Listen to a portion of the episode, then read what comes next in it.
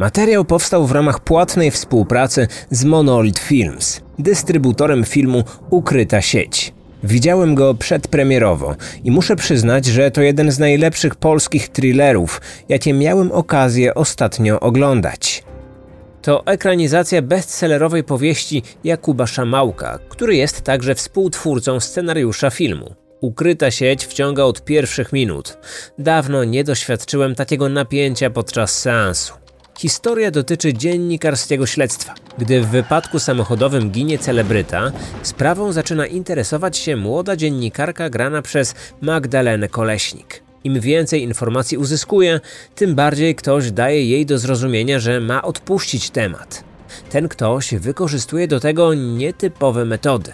Idę o zakład, że po obejrzeniu filmu nigdy nie klikniecie już w załącznik od nieznanego nadawcy, a może nawet zaraz po wyjściu z kina zmienicie hasła na swoich urządzeniach. W historii ważną rolę odgrywa bezpieczeństwo w sieci i nowe technologie. Przez to miałem wrażenie, że film jest aktualny, że mówi o naszych obecnych czasach i pokazuje problemy, z którymi my także możemy się zmierzyć. Zwyczajnie czuć w tym polskim obrazie powiew świeżości. Zwroty akcji i elementy zaskoczenia to największe atuty filmu. Tego seansu nie będziecie żałować. Szczególnie jeżeli lubicie thrillery i polskie kino. Ja tak wkręciłem się w tę historię, że zamówiłem już kolejne części książkowej serii Jakuba Szamałka, aby poznać dalsze losy Julity Wójcickiej, bo ta ekranizacja to pierwsza część książkowej trylogii. Film w kinach już od piątku. Najlepsza ekranizacja polskiego thrillera od lat. Magdalena Koleśnik, Andrzej Seweryn, Piotr Trojan. Nikt nie może się dowiedzieć. Film jak pająk chwyta w sieć i nie puszcza. Ukryta sieć w kinach. Na początku XXI wieku mieszkańcy Crotersville w stanie Indiana uważali, że żyli w bezpiecznym miejscu. Okazywali to na różne sposoby. Na przykład wychodząc z domu nie zamykali drzwi, nie obawiali się włamań czy kradzieży. Choć miasteczko zamieszkiwało tylko 1500 osób, tętniło życiem, głównie za sprawą najmłodszych. Dzieciaki były wszędzie. Ich obecność widoczna była niemal w każdym zakątku. Rodzice dawali im dużo swobody. Już nawet dziesięciolatkowie wychodzili sami z domu, robili zakupy czy załatwiali inne drobne sprawy na mieście. Nie dochodziło do niebezpiecznych sytuacji. Nikt podejrzany nie zaczepiał ich na ulicy. Społeczność miasta tworzyła coś na kształt jednej dużej rodziny. Niektórzy znali się od urodzenia. Troszczono się o siebie nawzajem i pomagano. Wierzono w solidarność, w to, że każdy dobry uczynek zostanie nagrodzony. Brutalne przestępstwa były tam rzadkością. Miejscowi policjanci szczycili się, że od 25 lat nie prowadzili żadnej sprawy zabójstwa. Sen z powiek spędzali im tylko narkomani i dealerzy, ale przez większość czasu ich ignorowano. Udawano, że nie istnieją. Później mieszkańcy mieli wyrzuty sumienia. Czuli się winni. Zastanawiali się, co byłoby, gdyby nie odwracali od nich wzroku. Czy to by coś zmieniło?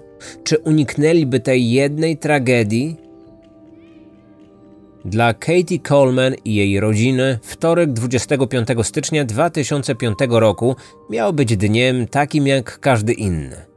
Rano wspólnie zasiedli do śniadania. Potem dziesięciolatka i jej starsza siostra pojechały do szkoły. Młodsza dziewczynka wróciła do domu chwilę przed 15. Po zajęciach zazwyczaj bawiła się z kolegami i koleżankami na podwórku. Łatwo nawiązywała nowe znajomości. Z jej twarzy rzadko kiedy schodził uśmiech. Często wyciągało do innych pomocną dłoń. Rodzice przeczuwali, że pewnego dnia wyrośnie na mądrą i silną kobietę. Miejscowy kościół baptystów, do którego uczęszczała cała jej rodzina, prowadził dodatkowe formy aktywności dla najmłodszych. Rozwijanie swojej wiary, czytanie Biblii, śpiewanie i nauka przez zabawę bardzo ją angażowały. Chętnie w nich uczestniczyła. W tamtym czasie dzieciaki szalały na punkcie seriali Disney Channel. Katie nie była wyjątkiem. Jeśli tylko rodzice jej na to pozwalali, zasiadała przed telewizorem. Jednak tamtego wtorkowego popołudnia nie zrobiła żadnej z tych rzeczy. Nie bawiła się z koleżankami, nie wybrała się do kościoła, nie włączyła bajki. Chciała pomóc swojej mamie.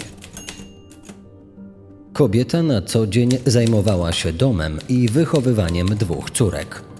Dziesięciolatka zwykle zgłaszała się na ochotnika, kiedy trzeba było pójść po zakupy. Tym razem w domu zabrakło papieru toaletowego. Matka dała jej kilka dolarów. Sklep znajdował się niecałe dwie przecznice dalej.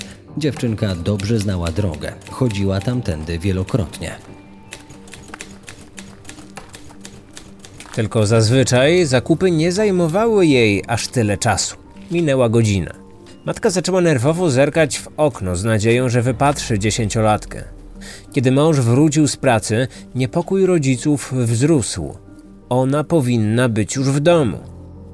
Kobieta na początku pomyślała, że dziecko spotkało kogoś po drodze, jakąś koleżankę lub kolegę. Rozpoczęli zabawę i zapomniała o sklepie i papierze toaletowym. Jednak minęło już sporo czasu, zdecydowanie zbyt dużo. Małżeństwo sprawdziło okolice. Odtworzyli trasę, którą córka zazwyczaj obierała. Nigdzie nie było po niej śladu. Przestraszyli się i powiadomili policję. Funkcjonariusze zapytali, czy dziewczynka zaginęła, czy może uciekła. Rodzice od początku nie brali pod uwagę tego drugiego wariantu. Katie nie miałaby powodów. Kochała swoich bliskich, a oni twierdzili, że w ich domu nie działo się nic złego. Poza tym, następnego dnia w jej szkole organizowano imprezę piżamową. Nie mogła się jej doczekać. Ciągle o tym mówiła i planowała, co ubierze. Na pewno nie uciekłaby. Coś musiało się stać. Pytanie tylko, co?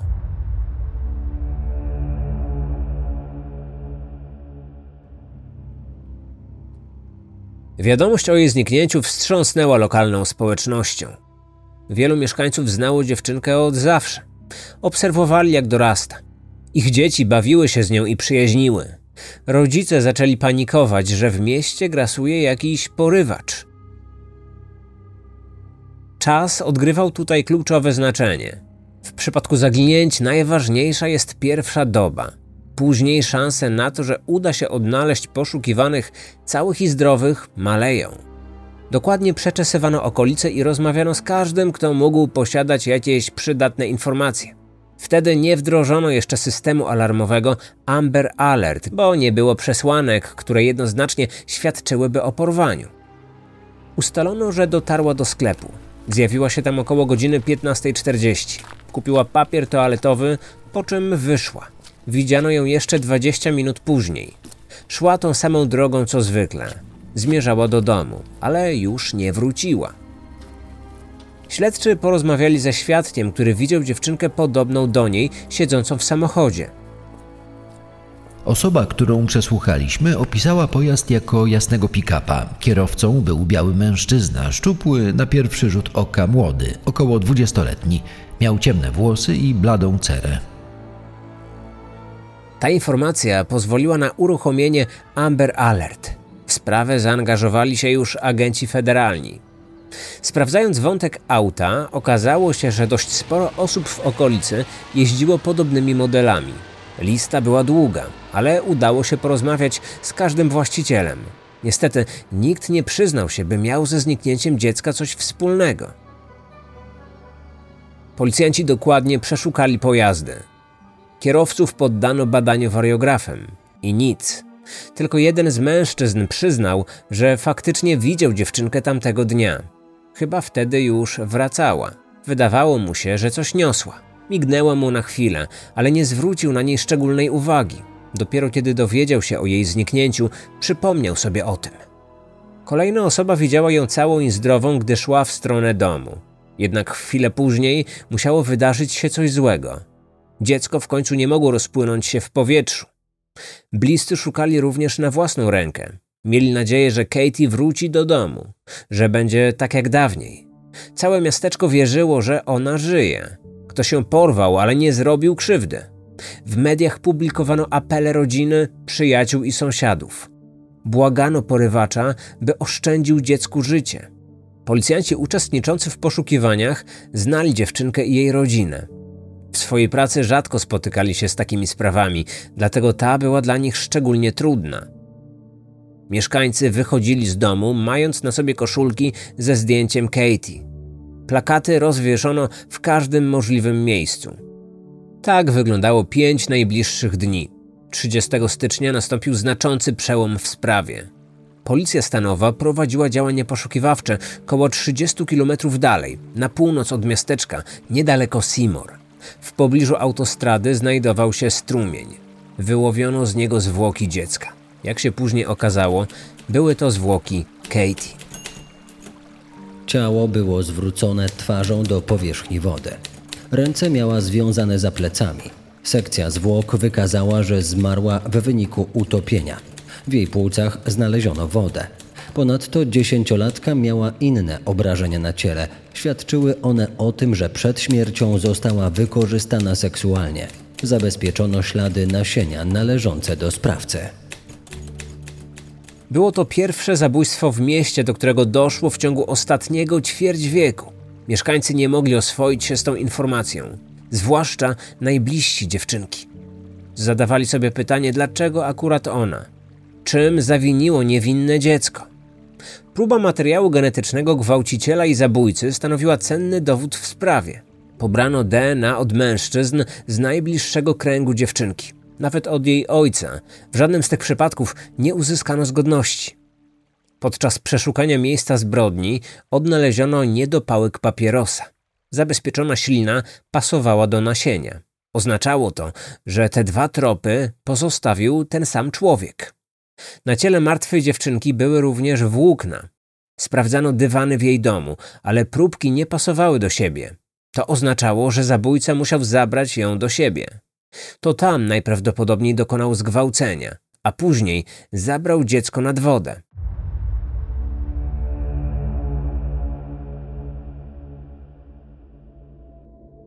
Nagle w sprawie pojawił się nieoczekiwany zwrot akcji. Kiedy policja i FBI intensywnie szukali sprawcy zabójstwa, pewnego dnia na komisariat zgłosił się mężczyzna. Twierdził, że to on. Mówiono na niego Chucky, jednak nazywał się Charles Hickman. To 21-letni mężczyzna znany w okolicy, mieszka tutaj od urodzenia. Chodził do miejscowego liceum, ale wyrzucono go stamtąd. Już wcześniej krążyły plotki, że zajmuje się wytwarzaniem nielegalnych substancji, które także podobno zażywa. Stróże prawa byli zdumieni. Przestępczość narkotykowa to jedno, natomiast porwanie, zgwałcenie i zabicie dziesięciolatki to już zupełnie inna para kaloszy. W dodatku jeszcze sam się do tego przyznał. Czasami dochodzi do takich sytuacji, że przestępcy sami zgłaszają się na policję.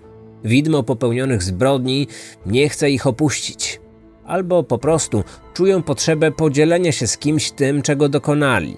W tym przypadku wydawało się, że mężczyznę męczą wyrzuty sumienia. Charles w trakcie przesłuchania opowiedział, co wydarzyło się 25 stycznia. Kiedy dziewczynka wracała ze sklepu, przechodziła obok jego domu. Dostrzegła scenę, w której uczestnicy biorący w niej udział robili coś nielegalnego, coś związanego z nielegalnymi substancjami. W doniesieniach prasowych dokładnie tego nie sprecyzowano. Jednak tak naprawdę mogło chodzić albo o handel, albo o samo wytwarzanie tej substancji w domowym laboratorium. Do tej drugiej wersji skłania wypowiedź matki Katie, która w jednym z wywiadów odniosła się do motywu zabójstwa. Powiedziała, że jej córka pewnie nie była świadoma, co mężczyźni faktycznie robili. Mogła uznać, że najzwyczajniej w świecie gotują. Mimo to podejrzany upierał się, że dziecko przyłapało ich na gorącym uczynku. Każdy w mieście wiedział, czym zajmuje się ten mężczyzna, jednak nigdy nie miał przez to problemów z prawem. Jego kolega również się przestraszył. Wpadli w paranoję. Bali się, że dziewczynka powie o wszystkim swoim rodzicom, którzy następnie doniosą o tym na policję. Nie mogli do tego dopuścić. Dlatego zrobili pierwszą rzecz, o której wtedy pomyśleli. Dopadli ją. Nie pozwolili wrócić do domu. Skrępowali jej ręce. Pomyśleli, że w ten sposób ją wystraszą. Tak naprawdę nie chcieli robić jej krzywdy. Po prostu planowali zafundować jej spory szok, tak żeby trzymała język za zębami. By jeszcze bardziej podkreślić swoją groźbę, wywieźli ją nad wodę. Pojechali tam samochodem należącym do kolegi. Podejrzany podkreślił, że nie zaplanowali zabójstwa. Po prostu nagle niektóre rzeczy wymknęły się spod kontroli. Byli zdenerwowani i pod wpływem narkotyków, a ona nagle wpadła do wody. Charles nie miał pewności, co konkretnie się stało. Jedna z jego wersji głosiła, że dziewczynka próbowała uciec. Zaczęła się z nimi szamotać, jednak ze skrępowanymi rękami nie miała szans. Skończyło się to tragicznym wpadnięciem do wody. Później twierdził, że w sumie to mógł ją tam wepchnąć. Hickman został aresztowany. Policja ujęła jeszcze 22-letniego Timothy'ego O'Sullivana, który prawdopodobnie był jego kompanem. Oprócz tego do aresztu trafił pewien 17-letni chłopak, którego personalia nie zostały ujawnione. Nie zdradzano również jego roli w sprawie. Jednak w internecie można natknąć się na spekulację, że chodziło o złożenie fałszywych zeznań.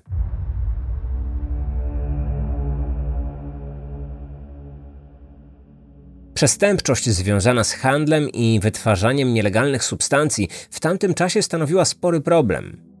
Mieszkańcy wiedzieli, co się dzieje, jednak przez większość czasu ignorowali to. Żyli w przekonaniu, że to ich nie dotyczy. Dlatego pozwalali swoim dzieciom biegać po całym mieście. Nie zamykali na kluczy drzwi, twierdzili, że mają zapewniony spokój i bezpieczeństwo. Zresztą, żyjąc w niewielkiej społeczności, w której każdy każdego zna, nie jest łatwo donosić na policję.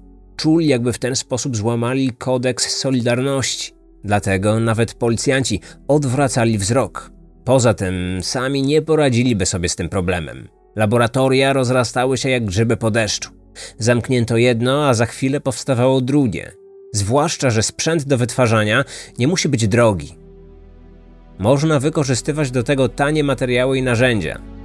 A lokalne władze nie chciały pomocy obcych zwłaszcza jeśli w grę wchodziły takie jednostki rządowe jak FBI czy DEA, zajmująca się przestępczością związaną z nielegalnymi substancjami.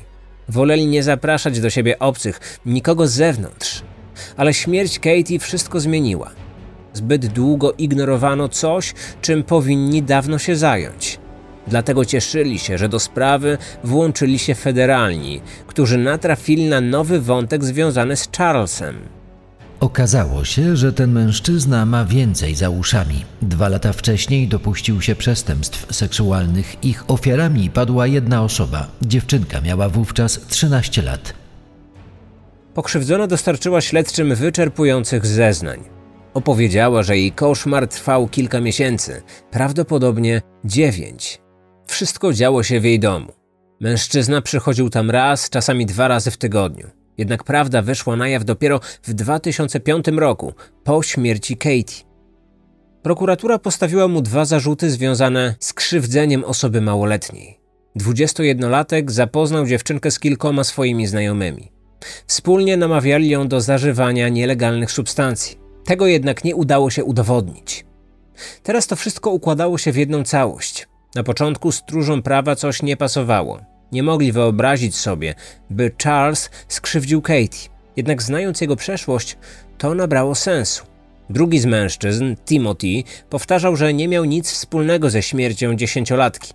Jego auto nie zostało użyte, by przewieźć ją nad wodę. Jeśli Chucky przyznał się do zabójstwa, musiał działać sam.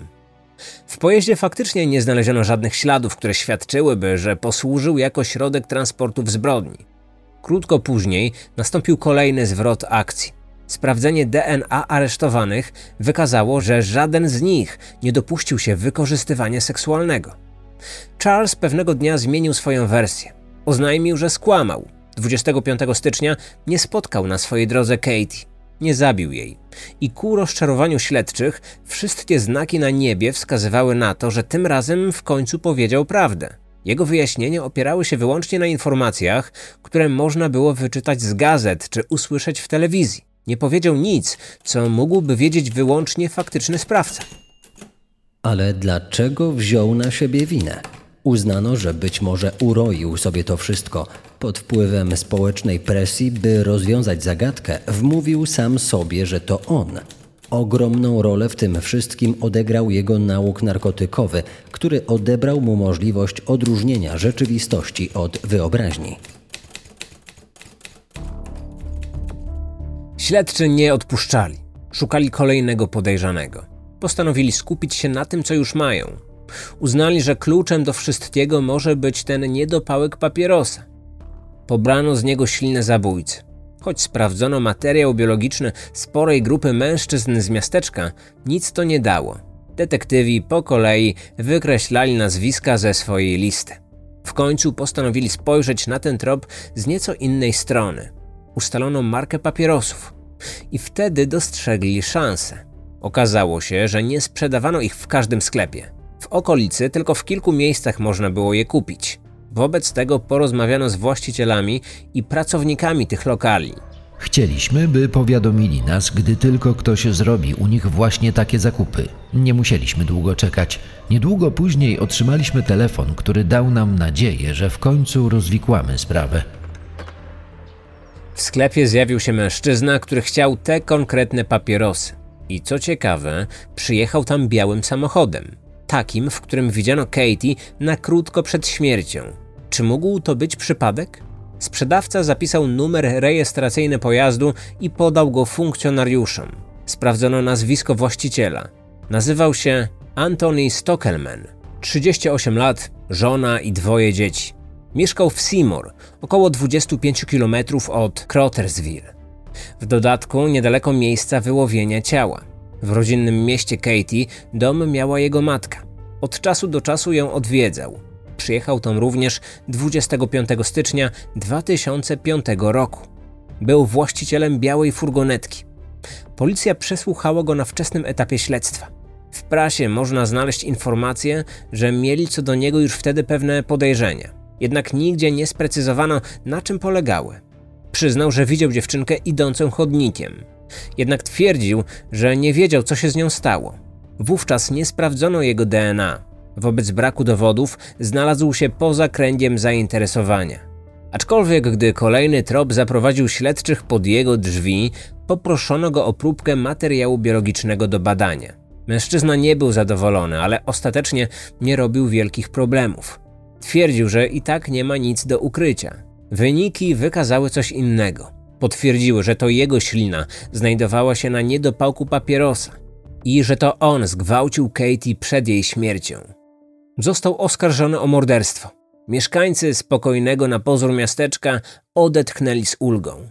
Cieszyli się, że sprawa niebawem znajdzie swój finał. Satysfakcjonowała ich także myśl, że oprawcą okazał się ktoś obcy.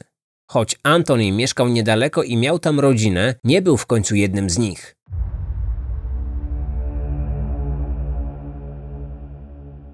Ale i tak nikt nie mógł wymazać tego, co się stało. Śmierć Katie zmieniła wszystko.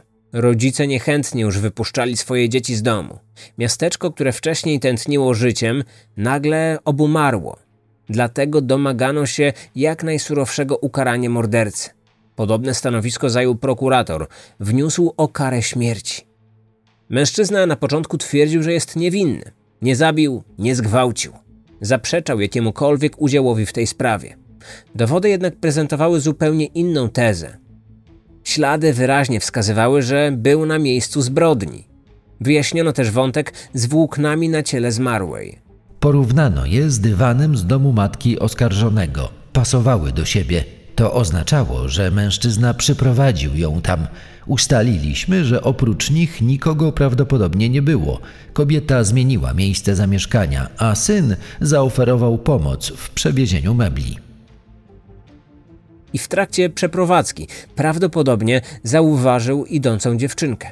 Mógł wsiąść do samochodu i za nią pojechać, zaproponować podwiezienie. Dlatego jeden ze świadków widział ją w białym aucie. Jednak zamiast do jej domu zawiózł dziewczynkę do opuszczonego budynku, w którym ją zgwałcił. Nazwisko podejrzanego nie znajdowało się w rejestrze przestępców seksualnych. Nigdy wcześniej w ten sposób nikogo nie skrzywdził. Nie wykazał żadnego podejrzanego zainteresowania małoletnimi. Sam był ojcem dbającym o swoje dzieci. Nie miał też innych problemów z prawem, nie licząc drobnych wykroczeń, których dopuścił się w młodości. Między innymi tego, że kiedyś kupił swojemu niepełnoletniemu bratu alkohol. Jego żona początkowo nie mogła uwierzyć w jego winę. Uważała, że to nieporozumienie, Twierdziła, że jej mąż nie należał do grona agresywnych mężczyzn. Ich pożycie małżeństwie podobno było dobre. Choć podczas procesu na jaw wyszło kilka zaskakujących faktów, z akt sądowych wynika, że Anthony miał problem z narkotykami. Znęcał się również fizycznie nad żoną. I to potwierdzili świadkowie. Jednak kobieta i tak wiernie przy nim stała, przynajmniej na początku. Na sali rozpraw zmieniła zdanie. Gdy dowiedziała się, jaki materiał dowodowy zgromadzono, uwierzyła w jego winę. Przypomniała sobie wtedy o pewnej sytuacji. Doszło do niej wieczorem, tego dnia, kiedy Katie zniknęła. Mężczyzna poprosił swoją rodzinę, by zjedli wspólnie kolację. Powiedział, że powinni razem zasiąść przy stole, póki jeszcze mogą. W tamtym czasie te słowa szczególnie nie zastanowiły kobiety, ale poznając wszystkie fakty, nabrały przerażającego wydźwięku. Zupełnie jakby spodziewał się, że policja niebawem go złapie. W trakcie procesu zrozpaczona żona skierowała do niego pytanie: dlaczego? Ale nigdy nie doczekała się odpowiedzi. Mężczyzna w końcu przyznał się do winy. Najwidoczniej przeraziło go widmo kary śmierci. Liczył, że w zamian za przyznanie sąd potraktuje go łagodniej. Nikt nie miał złudzeń, że uda mu się wyjść na wolność. Dowody ostatecznie go obciążyły. Skazano go na dożywotnie pozbawienie wolności, bez możliwości warunkowego zwolnienia. Po przewiezieniu do więzienia stanowego czekały go kolejne nieprzyjemności. Okazało się, że w tej samej placówce wyrok odsiadywał 22-letni kuzyn Katie. Kiedy chłopak dowiedział się, że trafił tam zabójca dziewczynki, postawił sobie jasny cel. Chciał nie tylko uprzykrzyć mu życie, ale również się zemścić. Od początku wygrażał, że go zabije. Pewnego dnia wykorzystał okazję. Wślizgnął się do jego otwartej celi. Miał przy sobie prowizoryczny pistolet do tatuażu. Zaatakował i wytatuował na jego czole następujące słowa: Zemsta Katie. Krewny zamordowanego dziecka twierdził, że postawił mu ultimatum: albo zgodzi się na tatuaż, albo spotkają go kolejne napaści i ataki. Za ten incydent został surowo ukarany. Do jego wyroku dołożono kilka kolejnych lat. Sam Antoni powiedział, że chłopak z nienacka chwycił go za gardło, a następnie powiedział, że go zadźga i zabije. Władze więzienia wydały decyzję, że ze względów bezpieczeństwa poszkodowany w tym przypadku skazaniec zostanie odizolowany od reszty. Obawiano się, że inni więźniowie podjęliby próbę zrobienia mu krzywdy. W końcu tacy przestępcy spotykają się ze sporym ostracyzmem nawet ze strony innych przestępców. Do więzienia sprowadzono specjalistę, który zajął się usunięciem tatuażu z czoła. Ta sytuacja dobiła Antoniego, zwłaszcza, że decyzją sądu miał już nigdy nie opuścić swojej celi. Wkrótce jego adwokat złożył apelację. Próbowano wykazać, że wyrok dożywocia bez możliwości warunkowego zwolnienia jest nieodpowiedni i zbyt surowy. Podano ku temu cztery argumenty. Po pierwsze, wcześniej nie miał problemów z prawem. Po drugie, zbrodnie popełnił pod wpływem silnych emocji. Zostały one wywołane traumatycznym przeżyciem. Kilka miesięcy przed morderstwem zmarł jego ojciec, z którym był zżyty. Po trzecie, przyznał się do winy, co sąd powinien potraktować jako okoliczność łagodzącą. Zapomniano, że tak już przecież się stało, bo ostatecznie zrezygnowano z kary śmierci. I po czwarte, wysunięto twierdzenie, że taki wyrok będzie mieć negatywny wpływ na relacje skazanego z jego dziećmi. Sąd odrzucił każdy z tych argumentów i podtrzymał wymierzony wcześniej wyrok. Mężczyzna obecnie przebywa za kratkami. Choć nie brakuje zwolenników teorii, że tak naprawdę jest niewinny. Czasami można trafić na informację, że przyznał się tylko dlatego, by uniknąć egzekucji. Takiego zdania są bliscy mężczyzny, którzy w jego imieniu prowadzą bloga. Podobno Antoni przyznał się tylko dlatego, aby uniknąć egzekucji. Uważają, że śledczy go wrobili. Na początku śledztwa policjanci przeszukali jego samochód. Niektórzy wierzą, że właśnie wtedy pozyskano jego DNA i podrzucono na miejsce zbrodni. Zwracają uwagę, że skazany nie pasuje do opisu mężczyzny, z którym widziano Katie. Miał to być ktoś młody, około dwudziestoletni, a on dobiegał wtedy czterdziestki. Za winnego obstawiają Charlesa Hickmana. Podczas przesłuchań podobno wydał prawdziwego gwałciciela, niejakiego Jeffa Tatlocka. Ale to nazwisko nie pojawia się praktycznie w żadnym oficjalnym źródle. Zatem nie sposób stwierdzić, czy to prawdziwa osoba, czy może tylko teoria spiskowa. Czy w tej sprawie wydano słuszny wyrok? Nie wszyscy są tego pewni. Jednak przedstawiciele wymiaru sprawiedliwości oraz bliscy Katie nie mają wątpliwości, że właściwa osoba znalazła się we właściwym miejscu. Źródła wykorzystane do powstania odcinka. Artykuł Briana Daxa z CBS News pod tytułem Girls Murder Amplifies Drug War. Wyrok Sądu Najwyższego stanu Indiana z 20 czerwca 2007 roku w sprawie Antonego Stockelmana. Artykuły z takich portali jak New York Times, Herald Times i ABC News.